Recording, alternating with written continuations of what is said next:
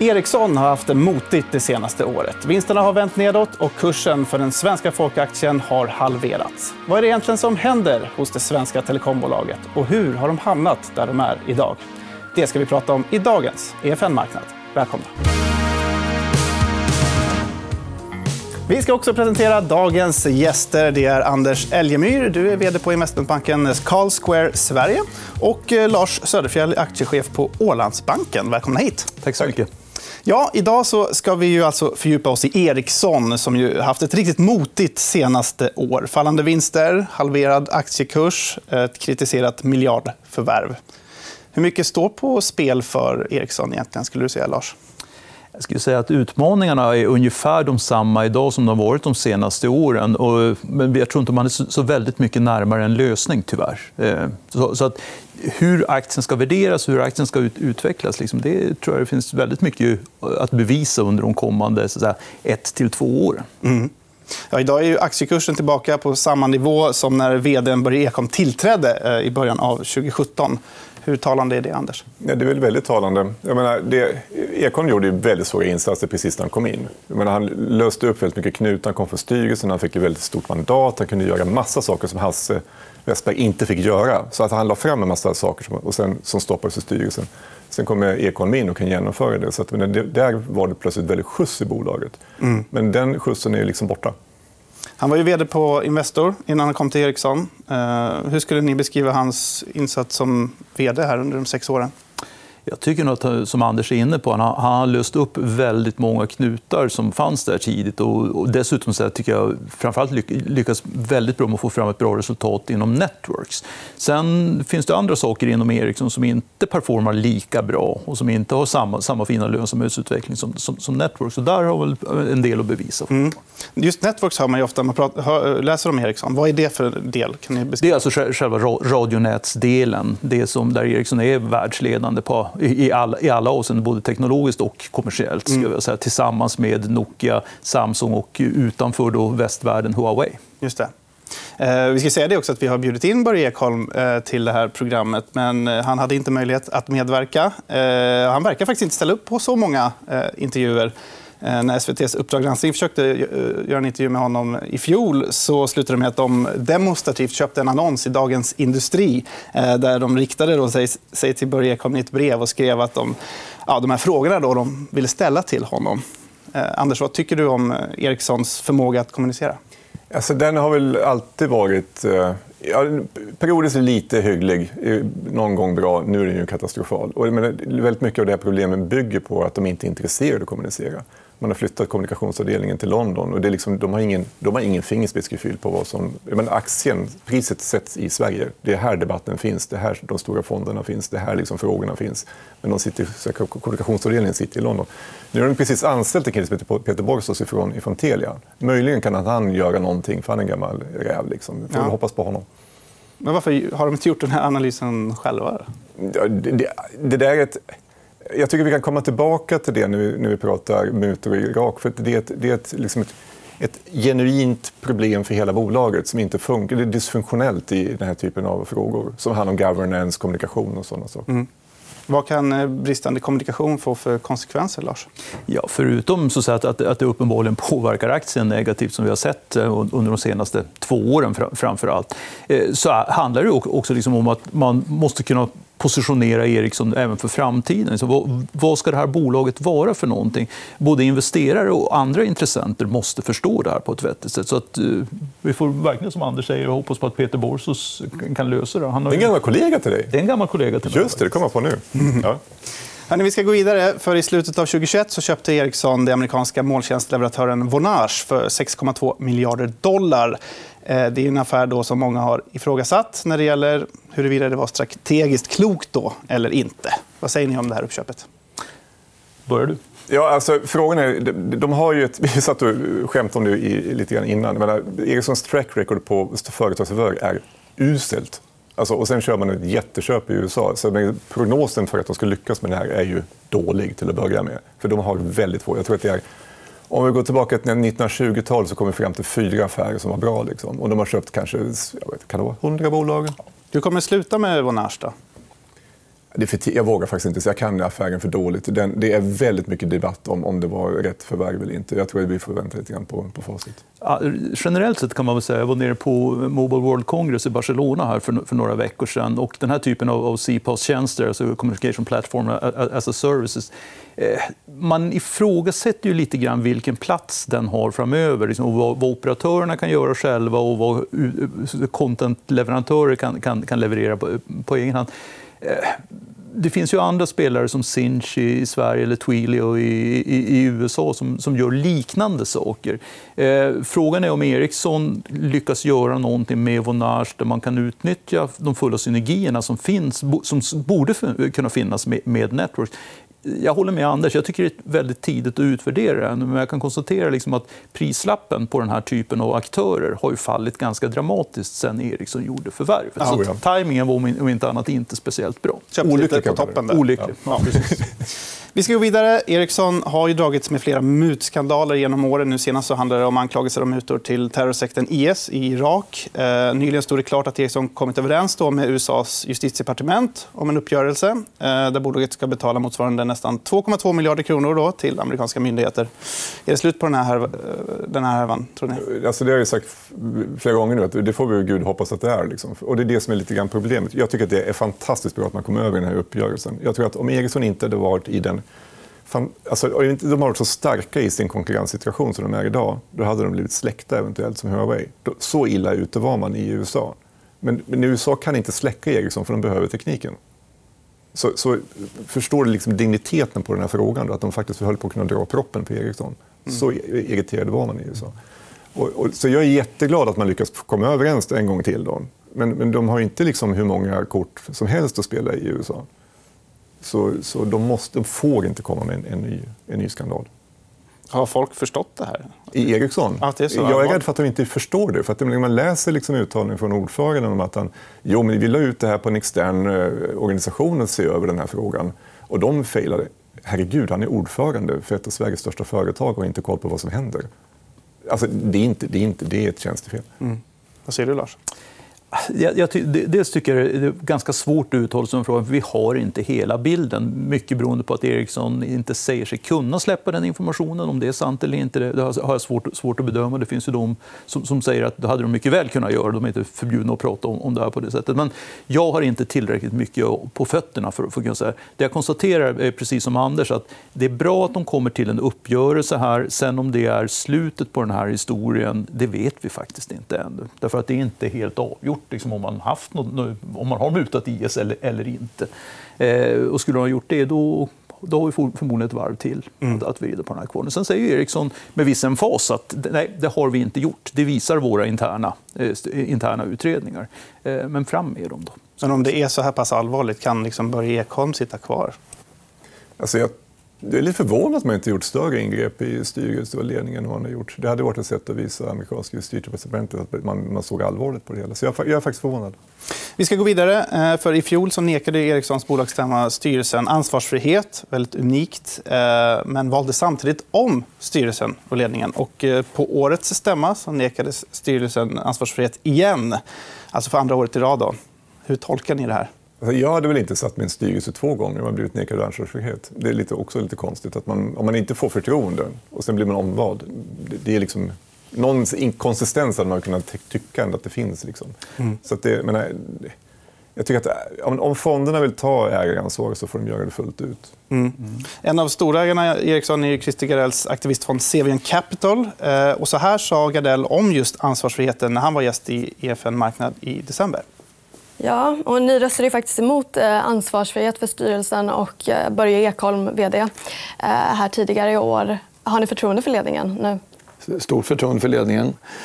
Och styrelsen, eh, anledningen till att vi, vi, vi röstade som vi gjorde var att vi hade ingen information för att, mm. eh, för att rösta på något annat sätt.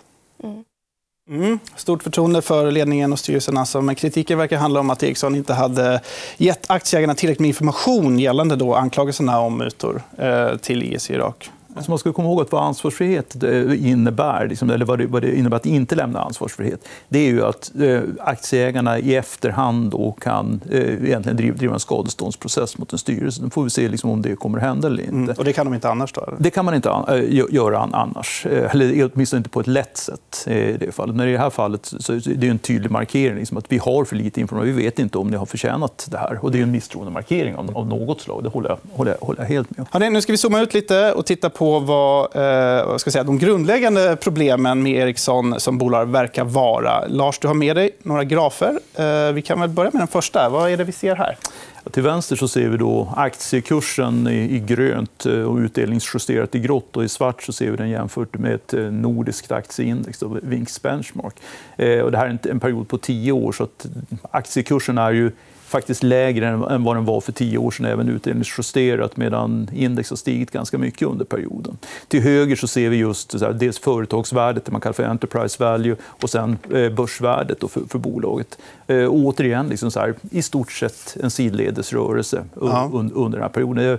2% årlig avkastning har det haft under den senaste tioårsperioden. Och det, är ju, det når ju inte riktigt upp till avkastningskravet, om vi uttrycker det lite diplomatiskt. Vi eh, kan ta nästa graf eh, där det handlar om intäkter. No growth, no fun, har du sagt. Ja, precis. Nej, men det, det, här upplever jag som, eh, som Ericssons grundproblem. Det finns ingen intäktstillväxt i det här bolaget. Ett bolag som inte har någon tillväxt. Det här, organiskt så är faktiskt tillväxten negativ över de senaste tio åren. Det här är inklusive förvärv, inklusive effekten av en svag krona som har vuxit med ungefär 2% per år från 2013 till 2022. Samtidigt har vi har man stigande kostnader. På, det är inte alla länder som har varit i låginflationsmiljö. Eh, då, då lever man egentligen på en sak för att kunna öka vinsten om man ska göra det. Och det är att skära ner kostnader. Det går inte hur länge som helst. Och det här identifierar jag som Ericssons grundproblem. Det finns ingen tillväxt i teleoperatörssektorn hos Ericssons huvudkunder.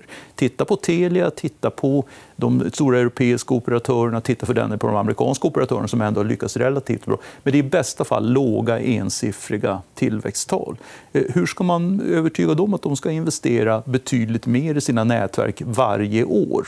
Givet att de själva inte kan ta betalt för vad som kanske är liksom en av världshistoriens mest populära produkter, nämligen mobilt bredband. Mm. Eh, jag har svårt att se det här. Och det är väl det som gör att jag tror varenda Ericsson-vd efter Kurt Hellström eh, har letat efter tillväxt utanför operatörssektorn. Karl-Henrik Svanberg försökte bygga Eh, på beslutsstödssystem och operativa system, lite konsumentinriktning. Medan Hans Westberg försökte bygga en servicestrategi och nu börjar Ekholm efter företagssegmentet. Mm. Så man, man inser att vi måste växa någon annanstans för annars så, så, så, kommer vi bara att vara hänvisade till att skära kostnader. Då får vi ingen större attraktion som aktie. Nej. Men det, det är svårt. Vad säger du, Anders, om tillväxtjagandet? Ja, vi ska inte glömma bort alltså det som Lasse är inne på. Det, det som är kärnverksamheten i Ericsson det var, byggdes från 1985 till 1990 ungefär. Där byggdes så plattformen som de fortfarande lever på.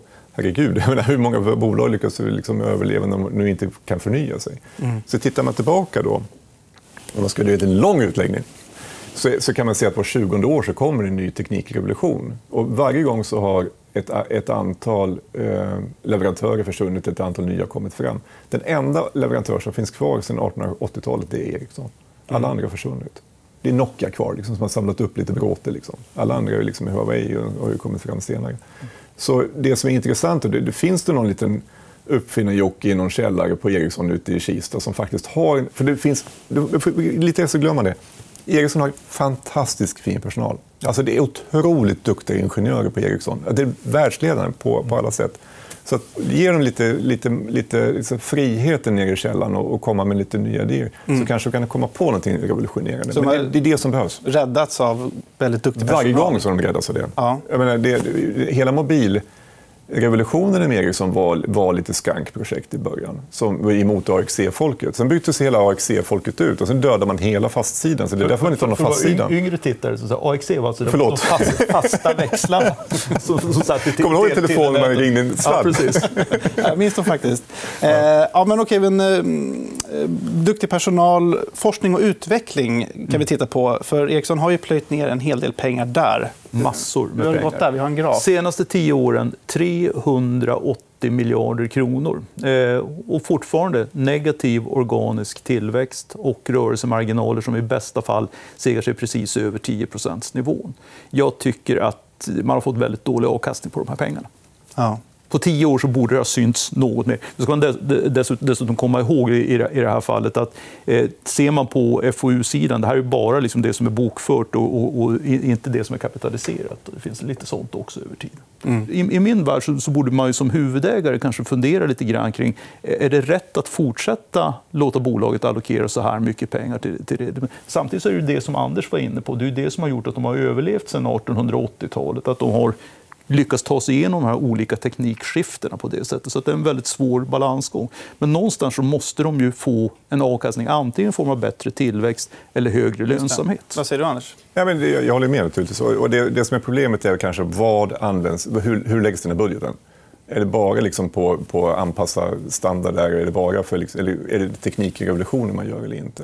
Menar, de kanske behöver byta fokus. Tittar man på vad som har hänt, då, det är ju att operatörerna som är deras kunder sakta, sakta går sotdöden till mötes. Hela deras marknad har tagits över av Amazon, Microsoft, Facebook, Google. Det är de som har tagit över operatörsmarknaden. De har man fullständigt missat. De säljer väl inte en pryl nästan till dem. Förstår du? Det är det som är problemet. Hela deras liksom, bas för intäkter har ju flyttat mm. någon annanstans. Men ser du någon eh, ljuspunkt då? Eller är bolaget dödsdömt? Det enda ljuspunkt jag kan se nu det är att man har sluppit undan ifrån amerikanska justitiedepartementet. Nu kanske det finns en, en liksom andhämtningstid på två, tre år när Huawei är borta i marknaden. Man, är, man lever liksom på att man är bäst i in class. Man kan sälja till Amerika och så vidare. Eh, Västeuropa och man har liksom en tryggad hemmamarknad. Använd de här två, tre åren med att göra något bright. Det är, mm. Den enda annars fall, lägg ner hälften av affärsområdena och gör det till en obligation istället, som vi pratade om i pausen. Liksom. Jag menar, det är bättre att de bara liksom får de här kassaflöden och delar ut dem. Kalla det inte för ett tillväxtbolag. Det är inget tillväxtbolag om det inte växer. Nej. Jag ser kanske något fler liksom ljuspunkter. För jag kanske var inte hård. ja, för, för det första, faktiskt, så tittar man på Ericssons kunder, teleoperatören, så finns det ju en växande opinion för att man ska tillåta en konsolidering av den branschen på ett annat sätt än man har gjort hittills. Det skulle kunna förbättra pricing power, möjligheten att ta bättre betalt för bredbandstjänsten istället för att varje år, som det är nu, varje år sänka priset med 50 kronor eh, i månaden och samtidigt ge 5 gigabyte till. Liksom det, det, är inte riktigt en hållbar, hållbar idé. Sen kan det inte uteslutas att Börje Ekholm och hans team har träffat rätt vad det gäller förvärven av Cradlepoint som faktiskt verkar vara ganska bra och Vonage eh, i, i, det, här, i det här fallet. Att man lyckas åstadkomma no någonting kring det. Mm. Och tredje biten är att man faktiskt har en ganska stark position just inom radionätsidan. Man är teknikledande, man har väldigt kompetent personal på, på det här området. Eh, det gäller liksom bara, vilket, inte, vilket är ett väldigt stort bara, att kunna få en hävstång på det och kunna ta betalt för den här kompetensen. Mm. Det är utmaningen. Vad tror ni? Det köper jag. Så det, liksom, det gäller att komma på den brighta idén i nya affärsområdet. Eller sånt där. Jag... Ja, men det är mycket om här, tycker jag mig höra.